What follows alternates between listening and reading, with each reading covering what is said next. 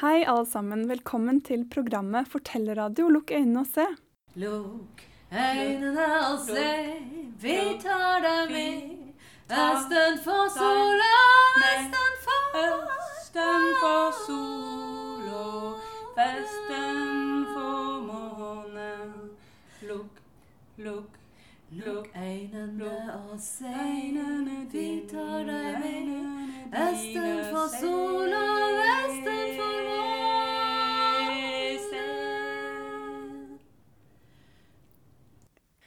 Velkommen til Lukk øynene og se. Og i dag skal vi snakke med Amir Mirzai. Og jeg heter Heid Gjerstad, og dette programmet handler om fortelling. Ok, jeg vet ikke hvordan vi skal begynne, men som forteller Jeg er veldig opptatt av her og nå.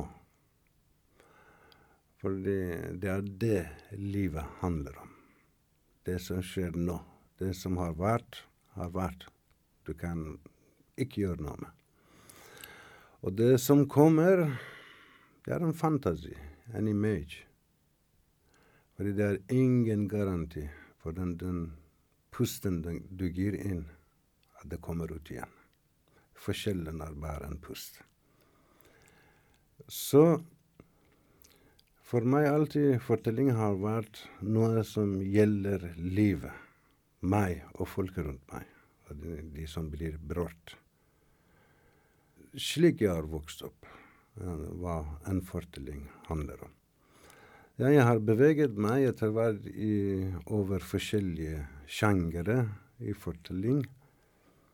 Men alt har vært det samme, å formidle noe til publikum. Så det har vært eh, for meg, eh, som nesten har levd hele livet mitt i flukt, mye av mine fortellinger handler om flukt. Og eh, jo eldre jeg blir, mer får fokus mot, rettet mot barn. Eh, jeg som har hatt fortalt mest for voksne folk, nå litt etter litt jeg begynner å vende ryggen mot de voksne. Og bevege meg mot barnas verden. Fordi om det er livet nå, OK, jeg har ikke barn. Om det skal være noe håp for fremtiden, da det er de barna. Fordi jeg mener, jeg som en voksen mann i dagens verden, jeg for min del har rotet mye til i dette verden. Så håp, hvis det skal være håp for oss som mennesker, da det ligger i barna. Da jeg håper gjennom de fortellingene formidle de erfaringene som har vært jeg har gjennom reisen, til de barna. Og de har rett til, til gode historier. Ting de kan lære av, bli klokere. Ting som uh, får dem slippe å oppleve de mange onde minner barn som opplever nå rundt omkring. Så gjennom fortelling og kunsten man kan åpne en rom, en fred. Bygge opp en fred og forsyning i fremtiden. Hvis vi skal overleve, det er gjennom de generasjoner som kommer, skal vi overleve. Hvis ikke, da det spiller ferdig. Har du en fortelling du kan dele? Mm, det jeg, min presentasjon er hvem er jeg, hvem, hvor jeg kommer fra. Jeg fra en familie som har vært på flukt i mer enn 500 år. Under det Safavian-dynastiet for ca. 500 år siden, som den nye persiske riken ble dannet, under Shia-islam som statsreligion, da mine slekt ble, begynte å bli massakrert i Iran, Tsjegini-familien. Så i den massakren de siste 500 år, tre runder hadde skjedd. Og siste runden var ca. 100 år siden, under den konstitusjonelle revolusjonen i Iran. Så mm, jeg har flukten 500 år med meg fra sted til sted. Og med forskjellige varianter. Der for eksempel to av min, min oldeoldefar og min bestefar begge to blir drept i disse spillene. Og så min far lever med den 50 år i eksil. Så jeg er immigrant. Jeg er verken iraner, jeg er verken afghaner eller nordmann. Eller muslim eller kristin. Når du har levd hele livet ditt på flukt, du får en slags kanskje nomadeblod. Verden blir veldig liten for deg. En liten landsby. Og eh, det er en av mine favorittfortellinger som jeg har fortalt mye rundt i skoler, som virker helt uvirkelig for barn. Men Det er det hvordan har vært min første skoledag. Da jeg husker da jeg gikk og drømte stort at jeg skal begynne på første skoledagen. Fordi pappaen min hadde lovet meg hvis jeg kommer blant de, blant de tre beste i klassen, fordi vi fikk karakter i den tiden, så jeg skulle få en sykkel. Og i hele den kvartalet som vi bodde, det var rundt 50-100 barn, men det var bare en gutt som var fra en rik familie, hadde en trehjulssykkel. Og vi var alle misunnelige på ham. Så jeg gikk og drømte stort at det skulle for meg være en rå trehjuls metallic eller tohjuls metallic sykkel. Det var det jeg drømte hele tiden. Kom denne store dagen da jeg gikk sammen med faren min, han skulle følge meg til skolen med nye klær og snauklippet hår og, og hvitt krag rundt halsen. Eh, Da, I nærheten av skolen pappa sa da gutten min her, jeg kan ikke følge deg, du må gå alene. Jeg sa ok. Inngangen ved skolen liknet på en stor port, militærport. Og på hver side satt en vaktmester med store bart og snauklipte hår, hår og store pisker i hendene. Idet jeg satt første sk skritt i skolen, det svidde noe i nakken min. Snudde meg, det var en av de vaktmesterne som slo hardt med den pisken. Jeg sa, 'Hvorfor slår du meg?' Han sa, 'Hold kjeften din her, vi er, de, vi, vi er, eh, det er vi voksne som prater her.' Du må bare gjøre det hvis jeg sjakk, slå meg en til i ansiktet med pisken. Ja, Men jeg har klippet meg i går, sa jeg. Han sa, jeg sa hold kjeft, bang, slått meg en til i hodet. Da storebroren min løp fram og sa, gutt, eh, Amir, Amir, du må ikke eh, prate med dem. Jeg sa, hva er det, hvorfor? Altså, nei, det er tradisjon, de banker alle de som kommer første dag på skolen. Det var velkomstkomiteen. det var slikt man skulle begynne på skolen, i en manndominert kultur der lærere, fedre og det er flere som har lov til å banke deg. Det er deres rett. Det er fotfestet. Det er selve Koran. De refererer til mamma til Koran. I de muslimske land. Foreldre kan banke deg. Læreren kan banke deg. Det er godt for oppveksten. Så det er slik jeg hatet skolen fra den første øyeblikk. Jeg gjorde aldri lekser. Og selvfølgelig ble jeg ikke blant de tre beste, og ble de blant de dårligste i klassen. Så det ble aldri noe sykkel. Og min beste dag på skolen var da jeg kom på andre, jeg var på andre året i skolen. Og en dag jeg, jeg satt ved siden av vinduet, og vi var i en skole, det var 76 barn. Og eh, det var bare noen vinduer, men det var spikret fast mot en uh, frukthage, at barna skulle ikke romme. Og det var en vindu mot gårdsplassen, og en dørmann kom inn.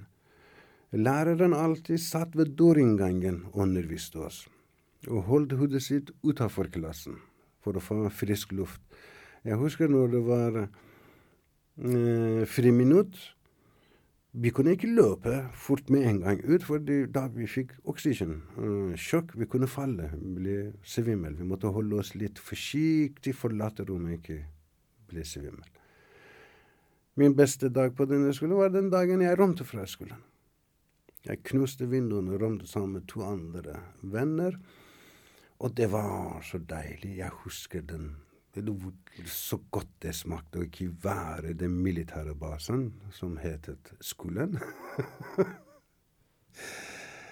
Men jeg visste ikke jeg må tilbake til skolen. Dagen derpå jeg fikk en skikkelig straff som uh, førte til jeg brakk nesa. Og førte til at faren min gikk saken mot skolesystemet i den byen. Og uh, det var mer merkelig at faren min tapte mot skolesystemet. Fordi det var uhørt noen går i sak mot skolen. Det er klart lærere har lov til å, lov til å slå barna, mente de. De mente vi var altfor frekke. Da hele min slekt ble strøket. Vi, vi, alle skolene i solidaritet med hverandre. De, alle brødrene mine og søstrene mine strøket det året. De fikk ikke lov å fortsette i neste skoletrinn. Det var en slags straff familien fikk. Så for at vi kunne fortsette på utdanningen, vi måtte flytte fra den byen. Fordi jeg, jeg som åtteåring hadde rømt fra skolen. Hadde knust en vindu. Ingen skole i byen ville ha meg. Og fordi jeg hadde fått juling, og faren min hadde gått i sak, vi, hadde, vi var sjanseløse å fortsette på min utdanning på min fødeby. Så vi flyttet til en annen by. Som åtteåring, niåring, jeg begynte å føle hvordan det er å være flyktninger og bo i en annen by.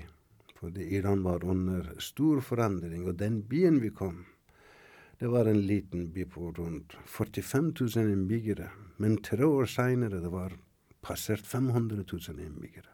Det vokste opp som sopp. Iran var i stor forandring.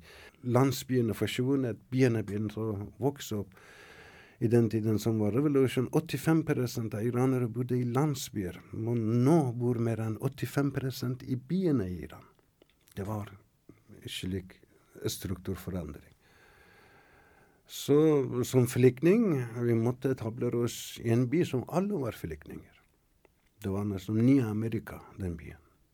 Det var store gjenger som sloss mot hverandre. Ingen rettssaker. Ingen hadde Politiet hadde ikke kontroll over byen. Det var gjengene som styrte. I slik by være i sitt eget land og leve som flyktning.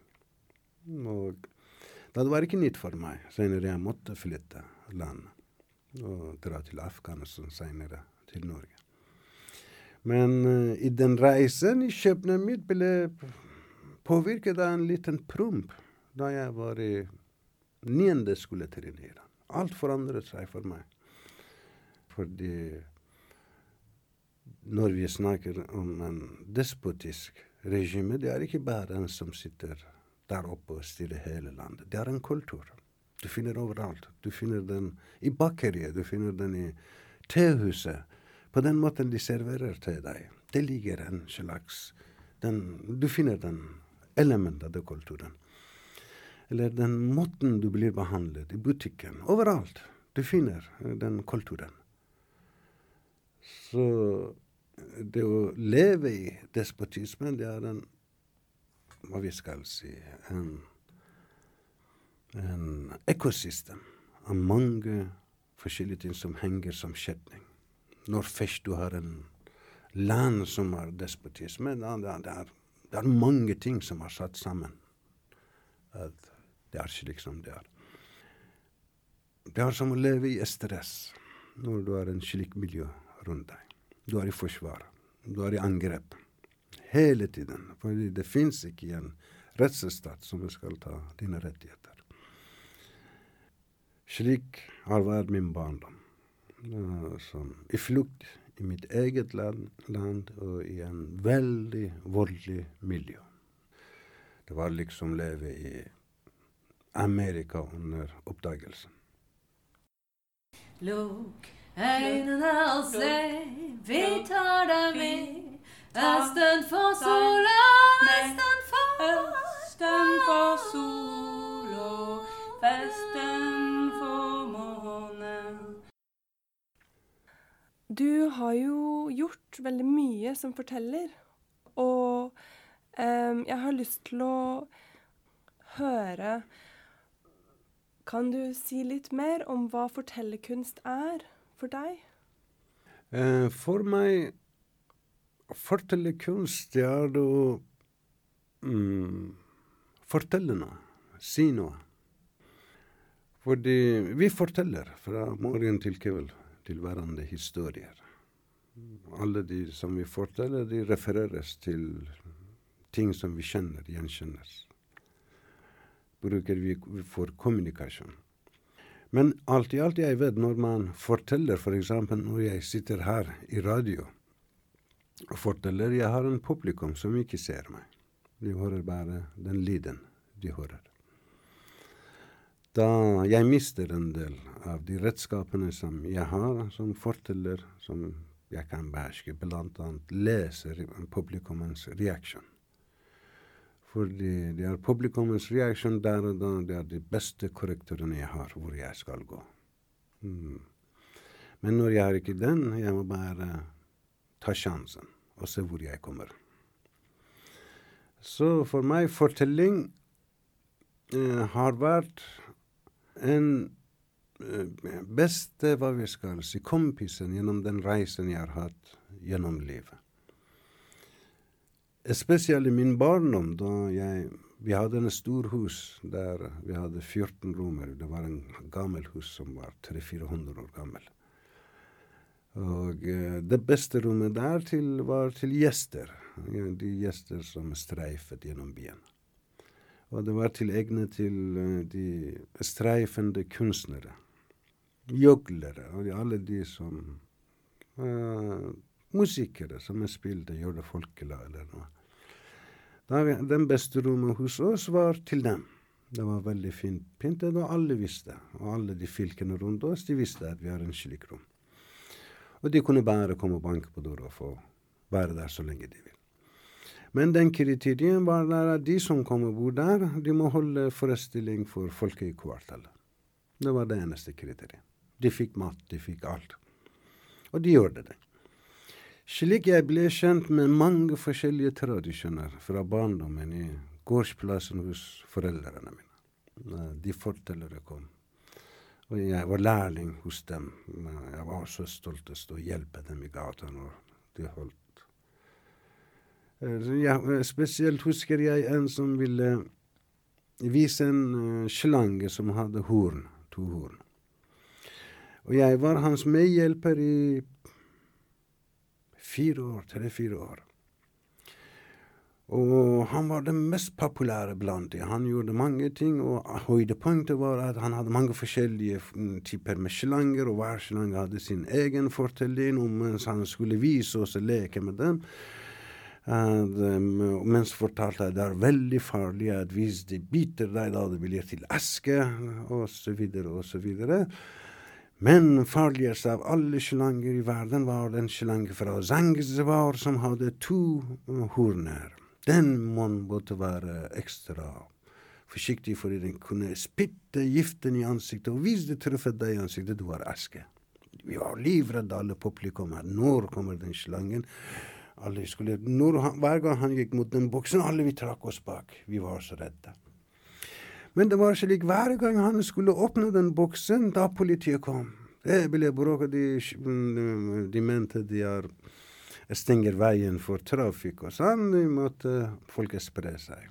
Og hver gang jeg gikk nesten med gråt i halsen hjemme at jeg så ikke den slangen. Og hvor mye jeg ba om å vise oss slangen hjemme hos oss? Han sa nei, det må være god avstand rundt den. Ja, man kan ikke gjøre den her. Til uh, siste året som jeg var uh, Vi hadde sagt mange vakter at i år vi må se den slangen. Hvis de skulle komme, til og med voksne hadde kommet og hjelpe oss. Hvis politiet kommer, de skulle banke dem og stoppe veien for dem. At vi ser slangen med to. Men det gikk ikke, og politiet kom igjen. Og mens da vi var lei og det spredde seg, jeg, vi fikk øye på han, han bak gata gi litt penger til politiet. Da det gikk opp for oss at de har en deal mellom dem. Den kvelden hjemme hos oss, jeg spurte han hva var det, hvorfor du fikk den pengen. Han lo og sa gutten min, du har vært min lærling i fire år. Nå jeg vil fortelle deg en hemmelighet. Eh, det fins ikke en slange med to horn. Men jeg har den alltid med meg. Fordi hvis jeg har ikke den med meg, folk sitter ikke og hårer på meg time etter time. Hvis en gang jeg viser dem den slangen med to horn, da min fortelling har mistet sin krav. Hvis du skal bli forteller, du må ha alltid en slange med to horn i lomma di.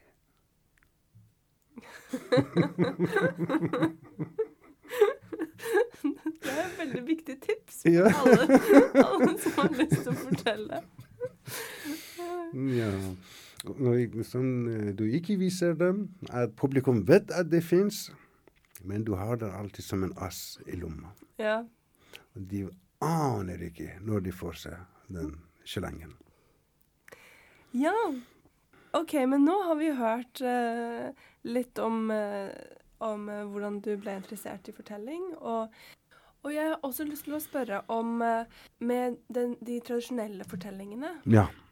Um, har du brukt de, eller hvordan har du brukt de? Ja, for eksempel eh, En av mine min fars og min familie mest favorittfortellinger Jeg har ikke hørt noe andre sted, jeg har ikke lest den andre sted. Det var min far som fortalte den. Det var historien om en mann som hadde tre sønner. Egentlig det er historien til familien min, når vi var i den byen som var veldig voldelig eh, som alle var flyktninger. Og han fortalte den historien gang på gang på gang. Nå jeg vel gang, det har fått mening for meg nå. Det var en far som hadde tre sønner. En dag han tilkalte dem. Han var en godt voksen mann. Og sa, for jeg skal dø, jeg har en drøm.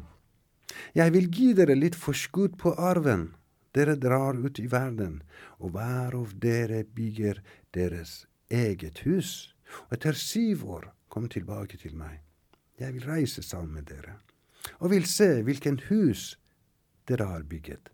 Og den ene av dere som har bygget den beste huset, skal arve alt etter meg. Hver av barn fikk sin del. En dro til vest, en dro til nord, og en til sør.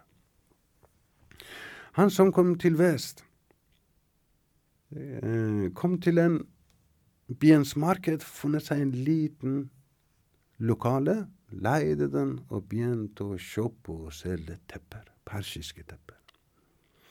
Og det hadde ikke gått så mange år, han ble svært rik. Han kjøpte det beste huset med beste utsikt i byen, og mange tjenere som jobbet for ham. Og butikken ble større og større, og han var svært rik mann.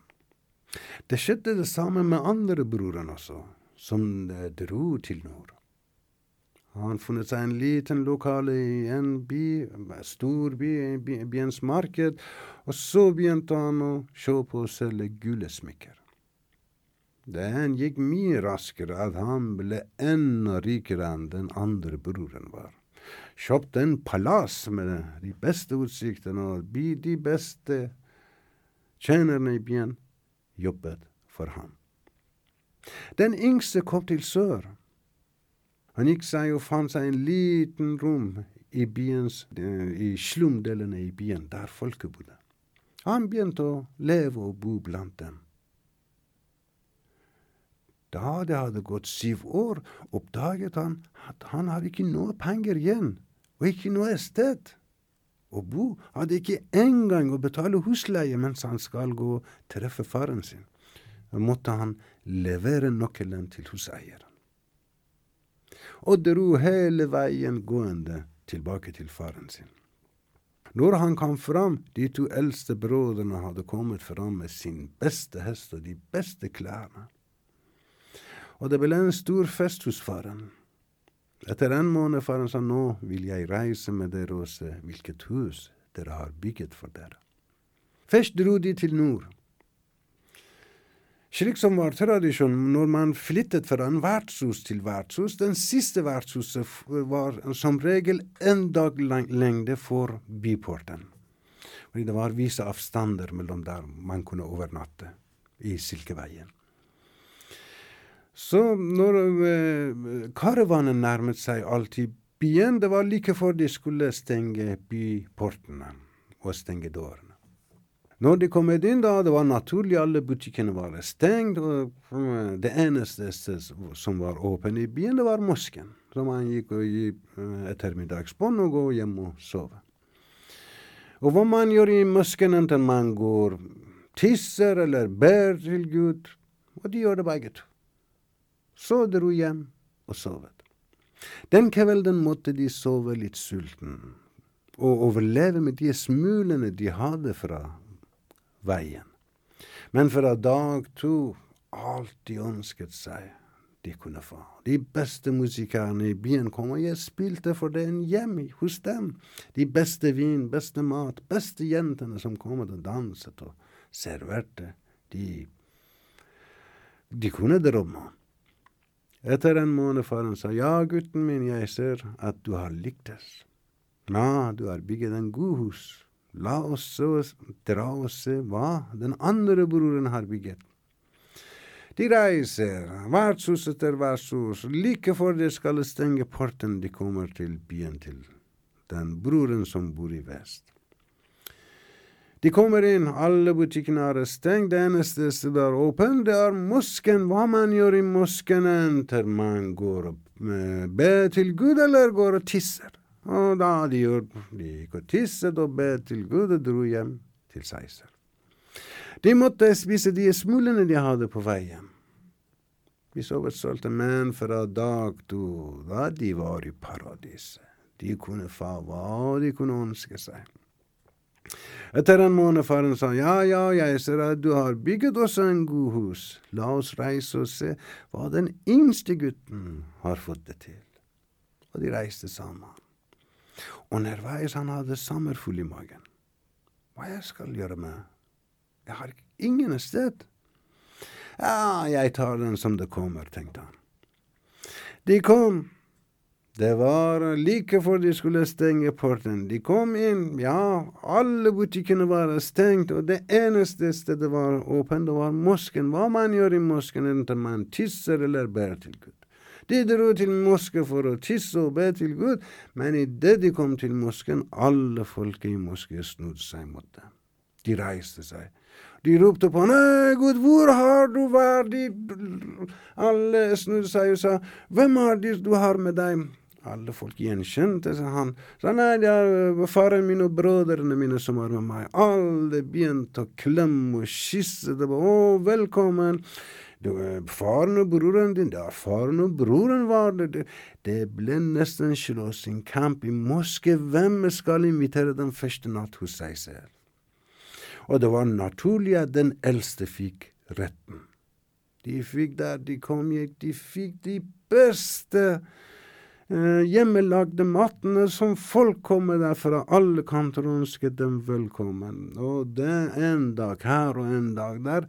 Det hadde gått en måned, og fremdeles halvparten av byen var, byen var i kø for å invitere dem hjem til seg selv. Faren sa ja, gutten min, jeg tror jeg har sett nok. Jeg ba dere reise ut i verden og bygge hus, men jeg mente ikke å reise og bygge hus i murestein, lærestein. Nei, guttene mine, jeg ba dere bygge hus i hjerter. De har det huset som ingen katastrofe kan ødelegge dem. Men den historien aldri fortalte meg hvem som fikk premien fra faren. Den må publikum finne ut selv. det var min favorittfortelling fra pappa. Mm. Ja, det var en veldig fin fortelling. Mm.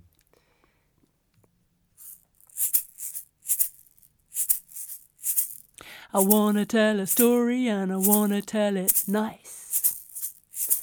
I wanna tell a story and I wanna break the ice. Give me advice, give me advice. Let me tell it twice, let me tell it thrice. As I look into your eyes, so nice you cry. Your eyes shut tight. Så vi er jo her i Radio Rakel. Og eh, dette er en feministradio, som du sikkert vet. Så jeg har også lyst til å spørre, enten det er i tradisjonell fortelling eller, eller andre typer fortellinger eh, eller formidling som du holder på med, er det noe kjønnsperspektiv? Vi har en forteller som bruker fortelling som terapi. Hun heter Shukufetari, bor i Sverige. Hun er psykolog og barnebokforfatter. Hun har skrevet Hun har mange nydelige varianter av en del tradisjonelle persiske fortellinger. Uh, hun bruker f.eks. Uh, fortellingen i terapi. Uh, hva var det spørsmålet jeg kom inn Altså, altså hvordan det er å være mann eller eller ja. kvinne, Ja, ja. eller på Det en måte det. Hun har forsket på fortellinger. Mm. Uh, for, for eksempel var det en forskning i, med, i kjønnsperspektivet i 1001 natt. Mm. Eller kjønnsperspektivet i persiske fortellinger. Og hun hadde kommet frem til at uh, i mer enn 70 av de fortellingene det er vold mot kvinner. Og det er en mannlig stemme som forteller. Så ja, det kjønnsperspektivet synes jeg er svært viktig i fortelling. Og for eksempel, uh, du finner den blant uh, Vi har en sjanger i persiske fortellertradisjon som vi kaller balch-tradisjon. Eller uh, rettssak, fortellinger fra balch. Der uh, du finner en lignende den i Chopin fra uh, Venezia. Som han har kopiert litt en, en av fortellingene derifra. Og der man kommer mye av de fortellingene man finner. Kvinners situasjon i samfunnet og Du tenker på skuespillet til eh, Shakespeare? Ja. Ja. Ja. Hun mener ja, det er sterkt diskriminerende, alle de fortellingene som er samlet og vi har og blir fortalt. ja. OK, da er jeg litt nysgjerrig, fordi er, det, er det dette med diskrimineringen i det skuespillet med han handle... Eller Ja, Den fortellingen som ligner på det som er i Shakespeare, det er en mann som vil gifte bort datteren sin. Så mm, han har ikke penger. Går rundt alle venner og prøver å låne. De sier nei, du kan gå til en, uh, en mann som du kan låne penger. Han er jude i byen. Men han tar høye renter. Du kan gå kanskje Han pleier ikke å låne penger til muslimer, men du kan prøve. En dag han drar til han som låner penger, sitter der og ser at alle de folk som sitter uh, i kø, han er veldig streng, krever kausjon, krever uh, garantist. Nei, jeg er sjanseløs, jeg har verken garanti eller kausjonist. Reiser seg, skal gå, sier hei, hvor du går? Hadde du ikke en ærend her? Sier ja, jeg hadde kommet, jeg skulle låne litt penger, men jeg ser at du er veldig streng. Jeg tenkte jeg har sjanseløs, jeg skal gå. Han sa kom, kom, uh, er du muslim? Sa ja, jeg er muslim. Sa ja, ja, jeg gjør ikke forretninger med muslimer, men uh, OK, jeg skal gjøre en unntak. Uh, hvor mye trenger du? Så ja, jeg trenger 100 gule mynt. Så ja, du kan få 100 gule mynt. På en betingelse. Så hva da? Når du kommer, når vi avtaler den tiden, du skal levere den tilbake, det må være presis den dag. Hvis du kommer en dag seinere, vi tar 100 gram skjærer kjøtt fra din kropp. På hver dag som er forsinket, vi tar 100 gram kjøtt fra kroppen din. Går du med på det? Man sier jeg trenger, hvem har hørt at noen skjærer kjøtt fra den andre? Han skriver under. Han låner penger og går og tar bryllupet og gifter bort datteren og ordner og begynner å samle, og tiden, tidspunktet nærmer seg for å levere penger, men han er ikke helt klar. Da han kommer ti dager forsinka for å gjøre han blid, han har ti ekstra gullmynter. Jeg gir han ti gullmynt ekstra, han er jud og gjerrig, tenker han. Eh, kanskje jeg eh, slipper unna. Men det han visste ikke, han som lånte ut penger, den judemannen, han var skjønt å holde ord. Og han kom og sa nei, jeg vil ikke ha de ti gullmynt, vi må se hva som står i kontrakten. Jeg har skjønt, jeg bare følger kontrakten, ikke ord.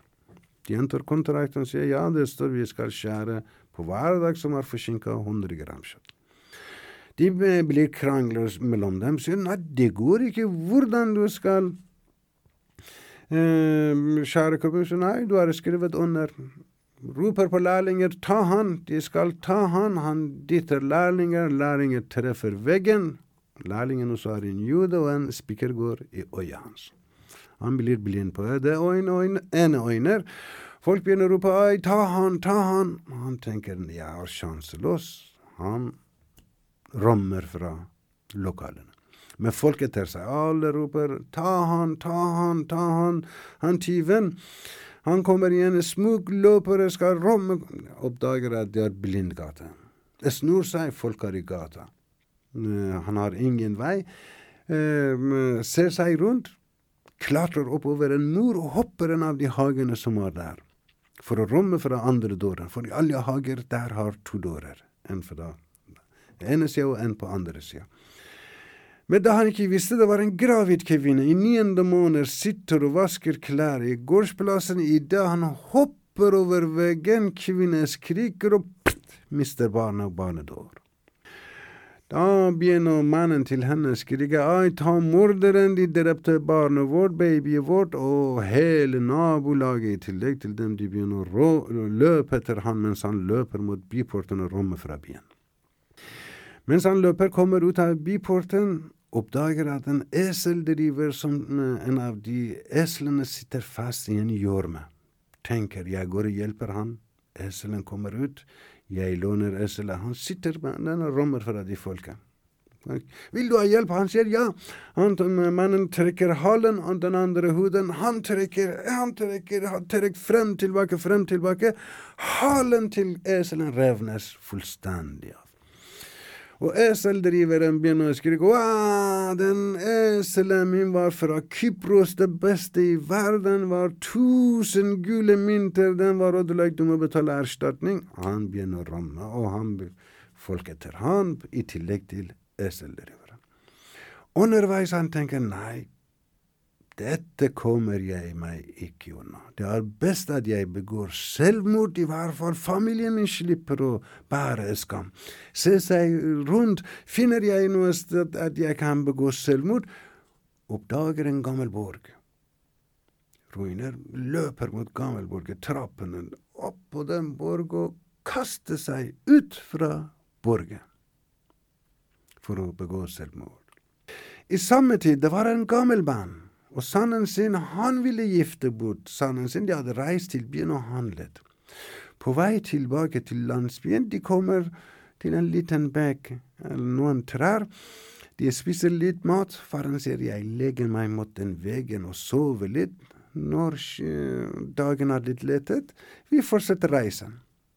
Sier ok.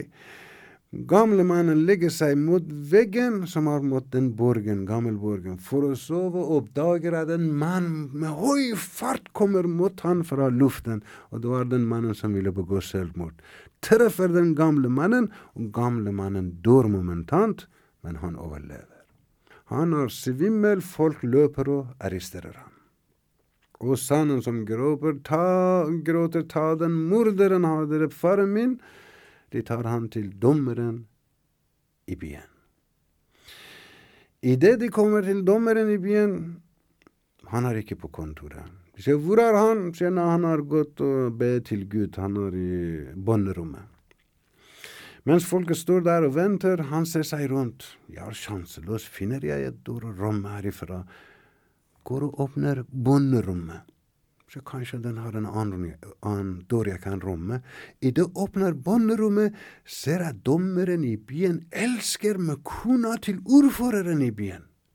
Be unnskyld, lukker døra. Folk sier 'Hvem var det bak døren?' Sier 'Nei, nei, det er dommeren som ber til Gud'. Vi må vente. De venter. Etter hvert dommeren kommer ut og sier 'OK, kom, var det da deres ærend?' Så mens jeg ba til Gud, hvem var det som åpnet døren? Se, det var jeg. Så ok, ok, nå jeg vet det. Hva er det problemet? Han som hadde lånt penger, kommer fram, forteller historien og kontrakten. Så ja, ifølge kontrakten, du har helt rett. Hente kniven. De henter kniven, de gir kniven til han. Så ok, du kan begynne å skjære kjøtt fra kroppen hans, mens to-tre holder den andre. Idet han skal begynne å skjære, dommeren sier, men husk på en ting. Sier hva da? Du må passe på, på hver bit du skjærer, det må være nøyaktig 100 gram. Hvis det er mer, da vi skjærer det som er ekstra fri fra ditt eget kropp. Og hvis det er til lite, vi tar den igjen fra ditt eget kropp. Hvorfor da er det dommer?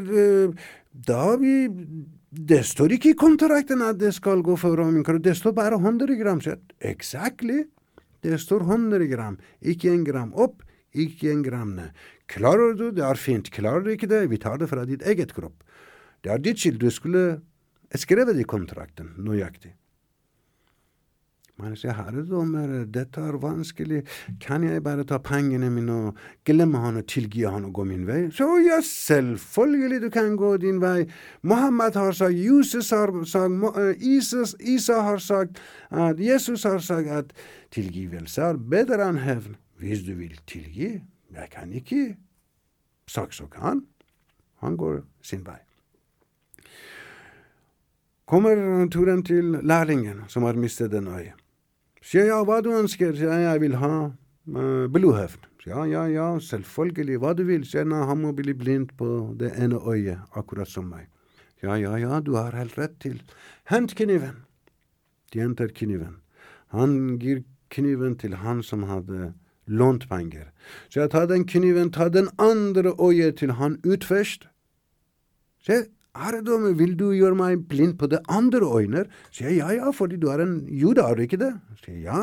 Ja, ifølge sharialovene en jude halvparten verdt som en muslim.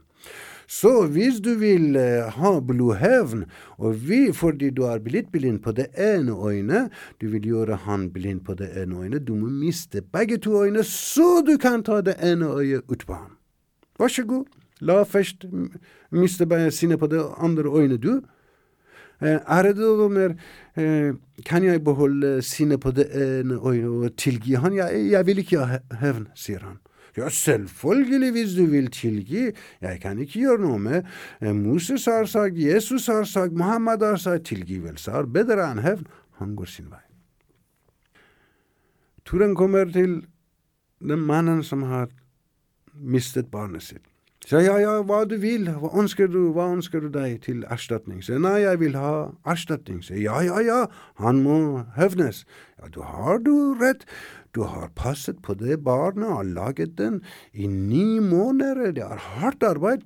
Jeg foreslår at han tar kona di hjem til seg, passer på henne så lenge at hun blir gravid, og leverer den tilbake når hun er nøyaktig ni måneder på vei. Er det ikke en god deal? Er, men det dommer, mener du jeg gir kona mi han går og ligger med den og gjør den gravid? Sier ja, men du vil ha erstatning. Nei, nei, nei, jeg vil ikke erstatning, kan jeg ta kona mi og dra hjem? Jeg vil ikke. Ja, ja, ja, selvfølgelig, hvis du vil tilgi, sier dommeren. Jeg kan ikke saksøke han. Og han forsvinner også. Men mens de hører den uh, sangen til den mannen som er da skriker og gråter ja, 'Hvorfor du bråker? Kom, kom, først vi låser din sak. Hvorfor du lager så mye bråk?' For da jeg var på vei til vi skulle til, tilbake til landsbyen, jeg skulle gifte meg da han drepte faren min. Og hva du vil? Så jeg vil ha hevn, han må bli drept. Ja, ja, selvfølgelig vi må gjennomføre blodhevnen vi tar han Exakt, akkurat på samme plass som faren din hadde ligget, og du går på samme plass han hoppet seg ut, hoppet ut. Da du må passe på å lande på han og drepe han på samme måte som har drept faren din. Men som en ærede dommer, tenk på, jeg bommer og ikke treffer han. Da jeg dør, da, da det er ditt problem. Hvis du vil ta hevn, du må drepe han på akkurat på samme måte som han har drept faren din. Er det, kan jeg tilgi han og gå min, i hvert fall gå og bli gifte meg? Så ja, ja, ja, hvis du vil uh, tilgi, jeg har ikke noe å si. Du kan bare Men hvis du tilgir, jeg har ikke noe sak mot han. Og han går også. Og mens han går, han som hadde eselen, han reiser seg og begynner å forlate rettssalen. Dommeren roper på han og sier, Du, hei mann, hadde du ikke en sak, du også? Nei, slik som jeg ser rettferdigheten av i dette landet. Jeg må innrømme at eselet mitt var haleløs fra fødselen.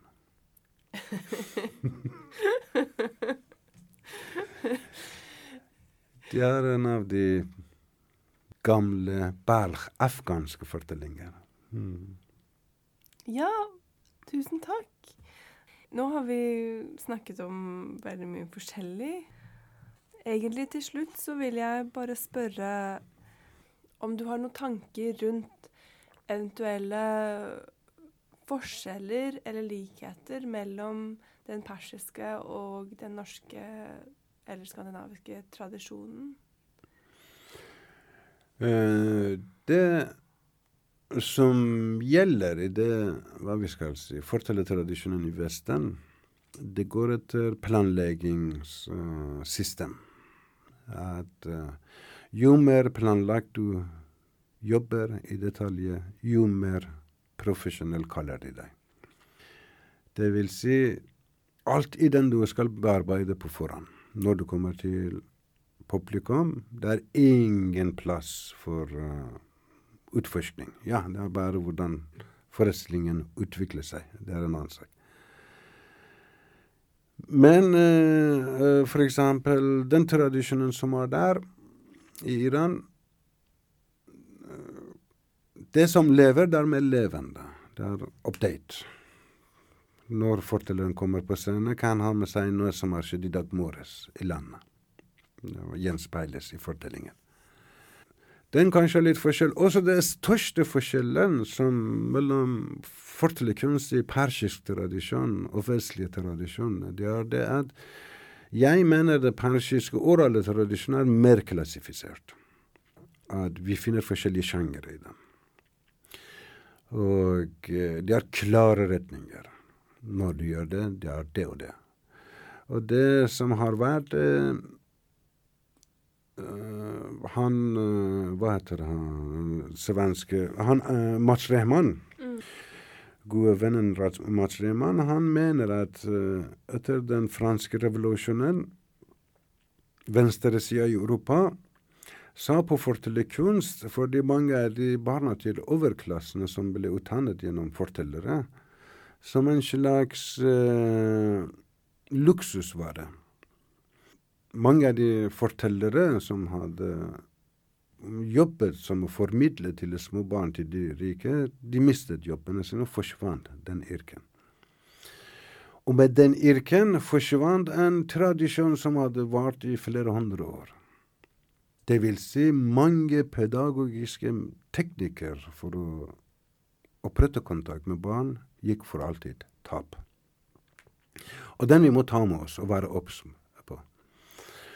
Og vi ser det for, for eksempel, hvis vi skal sammenligne historie, den franske revolusjonen er ganske nytt i Iran. Det er 100 år gammel. Den konstitusjonelle revolusjonen kommer. Da det har ikke gått så langt at den uh, tradisjonen Nå er de tradisjonen gått tapt. Ja, etter kulturrevolusjonen i Iran, det er blitt påbudt. Det er bare lov å bare bevege seg i en sjanger, og det er religiøse sjangeren. Alle andre sjangere er bannet. Det er ikke lov i offisielle medier. Men det ikke betyr at det ikke lever. Men de har fått skader. De har fått enorme skader. Alle andre sjangere, uh, fortellersjangere i Iran etter den islamske revolusjonen. Vi ser det skjedde det samme som skjedde i uh, Kina under kulturrevolusjonen. Vi hadde tre forskjellige uh, klasser av fortelling tre eller fire, uh, husker jeg ikke den. Det er enten tre eller fire.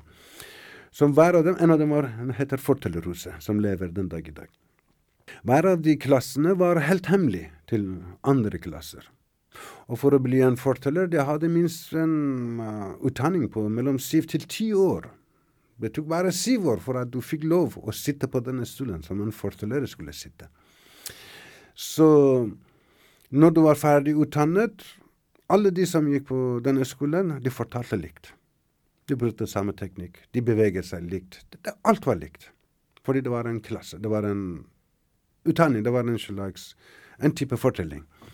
Og det var tre typer av den i uh, Kina. Og så ble kulturrevolusjonen ble bannet, og to av dem forsvinner. Og med det forsvinner flere tusenårige tradisjon hvordan man forteller til barn. Og hvis man skal ta den utgangspunkt at vår identitet ut fra moderne forskning, det som psykologi sier, blir dannet de første seks år, da det er skolen vi, vi går, det er en oral tradisjon. Vi er ikke kommet, når vi kommer til skole, vi er ferdig. Eh, vår identitet er dannet når vi skal lage roboter av dem. Vi sender dem til skolen. Vi skal bli robot. Men identiteten er dannet gjennom orale tradisjon. Er slik vi kan se omfanget hvor mye vi har tapt. Når en kulturrevolusjon kommer, for eksempel, de skolene forsvinner. Og seinere, en av de eldste som har overlevd, kommer og oppretter Fortellerhuset igjen. Nå Fortellerhuset kommet i gang. En av de tre klassene. Men vi ser, når islamske revolusjonen kommer i Iran, de banner alle andre sjangere i fortelling. For eksempel kongehistoriefortellingen er i ferd med å forsvinne i Iran. Vi har to tere som forteller. Det er jeg som forteller i Europa. Vi har en i USA som forteller. To andre har sluttet å fortelle. De som forteller i Iran, de forteller i religiøse sjanger. Da for eksempel Det er tre-fire typer av De skulle i Iran være i ferd med å forsvinne også. Fordi kongefortellingene, Ja. det er jo klart noe som en, religiøs, en religiøs stat ikke er interessert i. Nei. Men den tradisjonen er fra kongetiden. De forteller på religiøse fortellinger. For eksempel eh, når de skal fortelle historien om Rostam. De synger ikke om Rostam, som er den største eh, Det er Herkules i persisk kongehistorier, der de kommer og forteller om Imam Ali. Den, eh, og Imam Hussein. Ja, den blir Ja, eh, vridd enn religiøst, ja. mm, Ja, og for eksempel gleden, som er eh, essensen i de gamle persiske fortellinger for islam, forsvinner, kommer eh, tristhet tar plassen. Og for eksempel dansen, som er en element, når islam kommer inn, da forsvinner, blir forbudt. Alt gleden tar ut fra historien. Det er det som er forskjell. Du skal fortelle historie gjennom religiøse for Alt skal tolkes gjennom den religiøse. Og for de som ikke vet så mye om den kongetradisjonen, Mm. det er historien om kongene kan kanskje ligne litt på de gamle norske historiene, eller sånn sagaer om kongene og hva de gjorde og Ja, det er, altså, det er selvfølgelig nettopp er det det. forskjellig, men Ja. eh, Mm. for at Også de synges. Når man spiller den, eh, som, som regel, den går på vers. Man synger den. For eksempel. به نام خداوند جان و خرد کز او برتر اندیشه بر نگذرد det, det er i ferd med å dø, den tradisjonen. Mm. Det er veldig maskulin, men det, det bruktes også spilles tromme. eh, Det har sitt eget eh, Man trener sammen med den, det er forskjellige bevegelser. Nei, det er veldig fint. Men eh, det er det. Det er en del Kanskje det er en del av de kostnadene vi skal gi for utvikling. Jeg vet ikke. Jeg har ikke lyst til å slutte der. altså, Men- hva, hva skal vi se fram mot? Ja, det, det, det eh, Du vet, det jeg liker Det har tatt meg litt tid å fordøye den. Det er noen elementer jeg liker med reformer, eller renessansen. Det er noen to-tre elementer jeg liker det veldig godt. Det er dialogen som kommer inn og forandrer fortellingen. Ja, hvor var det? Så, så når du snakker om renessansen Mm. og, og det som har endret seg, men snakker du om den europeiske renessansen, eller snakker Ja. du om Det, det, jeg, det jeg ser, det, det jeg beundrer i den europeiske tradisjonen, det er dialog og latter. De har tatt den fra uh, makthaverne, og det har kommet i folkets besikkelse. Og det er to svært viktige elementer i enhver fortelling. Men uh, mye av den også samtidig er fanget i formen. Fordi også med renessansen kommer uh, formalismen. Og uh, formalismen det er ikke bare i litteratur. Jeg ser formalismen hvordan menneskene er. Alle de hvite folk som er rundt meg, ikke, når jeg ser dem, de har en form. Og jeg har lært av dem uh, hvordan f.eks. når de sier 'Hei, hvem er du?' Amir Mirzai. OK, hvordan du er organisert? Uh, er du enkeltmannforetak, eller du er medlem av en forening, eller du er medlem av en parti? hvordan du har organisert deg, og det som er rundt deg, viser hvem du er. Ikke det at hvem du er inni deg. Eh, Jeg ser at eh, i Vesten det har blitt så formalisert at den formen har gått De ser folk også i former. Kanskje det gjør lettere for oss å leve, jeg vet ikke. Eh, Den jeg er litt obs på når jeg beveger meg over former. Men resten jeg liker. OK, jeg merker at vi kunne egentlig snakket mye lenger, men Mm. uh, vi må bare stoppe der. Jeg, vil, eh, jeg har lyst til å avslutte med en gammel fortelling som okay. er bare vel ett minutt. Okay. Som er fra Obeid Zakani. Mm. Han levde for ca. 1000 år siden. Mellom 800 til 1000 år siden. En veldig blomstrende persisk periode i litteratur. Hans, han var prest. Hans verk har alltid vært forbudt. Men den dag i dag også det er forbudt. Når vi snakker om sensor, f.eks. en land i Iran, vi må huske at det er en gammel kulturnasjon. Selv sensuren har tusen veier å gå rundt. Så eh, den boken har vært forbudt i tusen år. Selv nå det er forbudt, men du kan finne minst i 40 varianter av utgivelse. I alle bokhandlere i Iran. Når du snakker, du smiler Har du en bok fra Obeid? Da de henter fra de gir deg. Alle har den. Men offisielt de ikke har den. En av fortellingene hans er slikt. Det var en kriger som var på vei til slagmarken. Han gikk forbi en folkemengde. Noen spurte han, Hei, mann, hvor er du på vei? Han lo og sa, Er du dum, ser du ikke jeg bærer eh, pilen over skulderen min? Jeg er på vei til krigen. Alle lo av han. er du på vei til krigen? Men hvor er pilene dine, da? Du har vel ingen pil med deg? Hvem har sett en kriger uten pil? Alle lo. Ha, ha, ha, ha. Han sa, pil? Jeg trenger ikke pil. Når jeg kommer fram, jeg samler alle de pil fienden skyter mot meg. Og skyter jeg tilbake. Alle lo av han. Ah, så dum han er. Tenk på det, det kommer ingen pil. Hva du skal gjøre da? Han sa, hvis det kommer ingen pil, da det er ingen krig.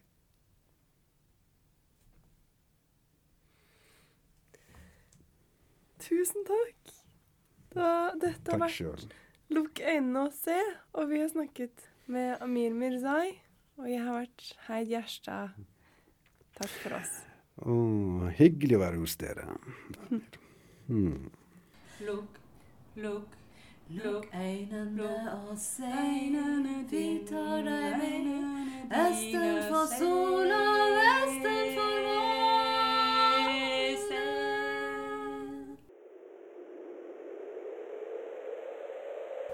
Du kan fortelle historier, du også. Med et av Fortellerhusets fortellerkurs blir du en knallgod forteller. Se fortellerhuset.no skråstrek kurs. Tell me, tell me, tell me a story, tell me, tell me a tale. Tell me, tell me, tell me a story, tell me, tell me a tale. Tell me, tell me, tell me a story, tell me, tell me Santa.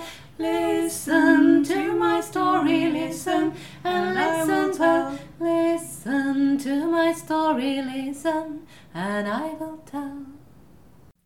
Fortellerradio Lukk øynene og se sendes klokken 15 hver mandag med reprise klokken 11 på lørdager her på Radio Rakel 99,3. I programmet Fortellerradio møter du fortellere som er tradisjonsbærere. De forteller ting som de har fra sin tipp-tipp-oldemor. Dette er både tradisjonsbærere med norsk bakgrunn, med samisk bakgrunn og med bakgrunn fra andre land.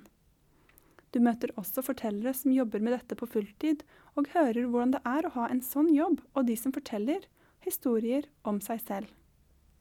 Fortellerradio er støttet av Kulturrådet, Prosjektstøtte kulturvern og av Oslo kommune.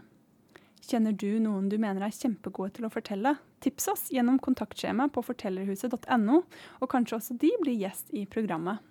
Storytell, storytell. Tell it to connect and tell it to compel. Tell a story badly, tell a story well, storytell. story tell.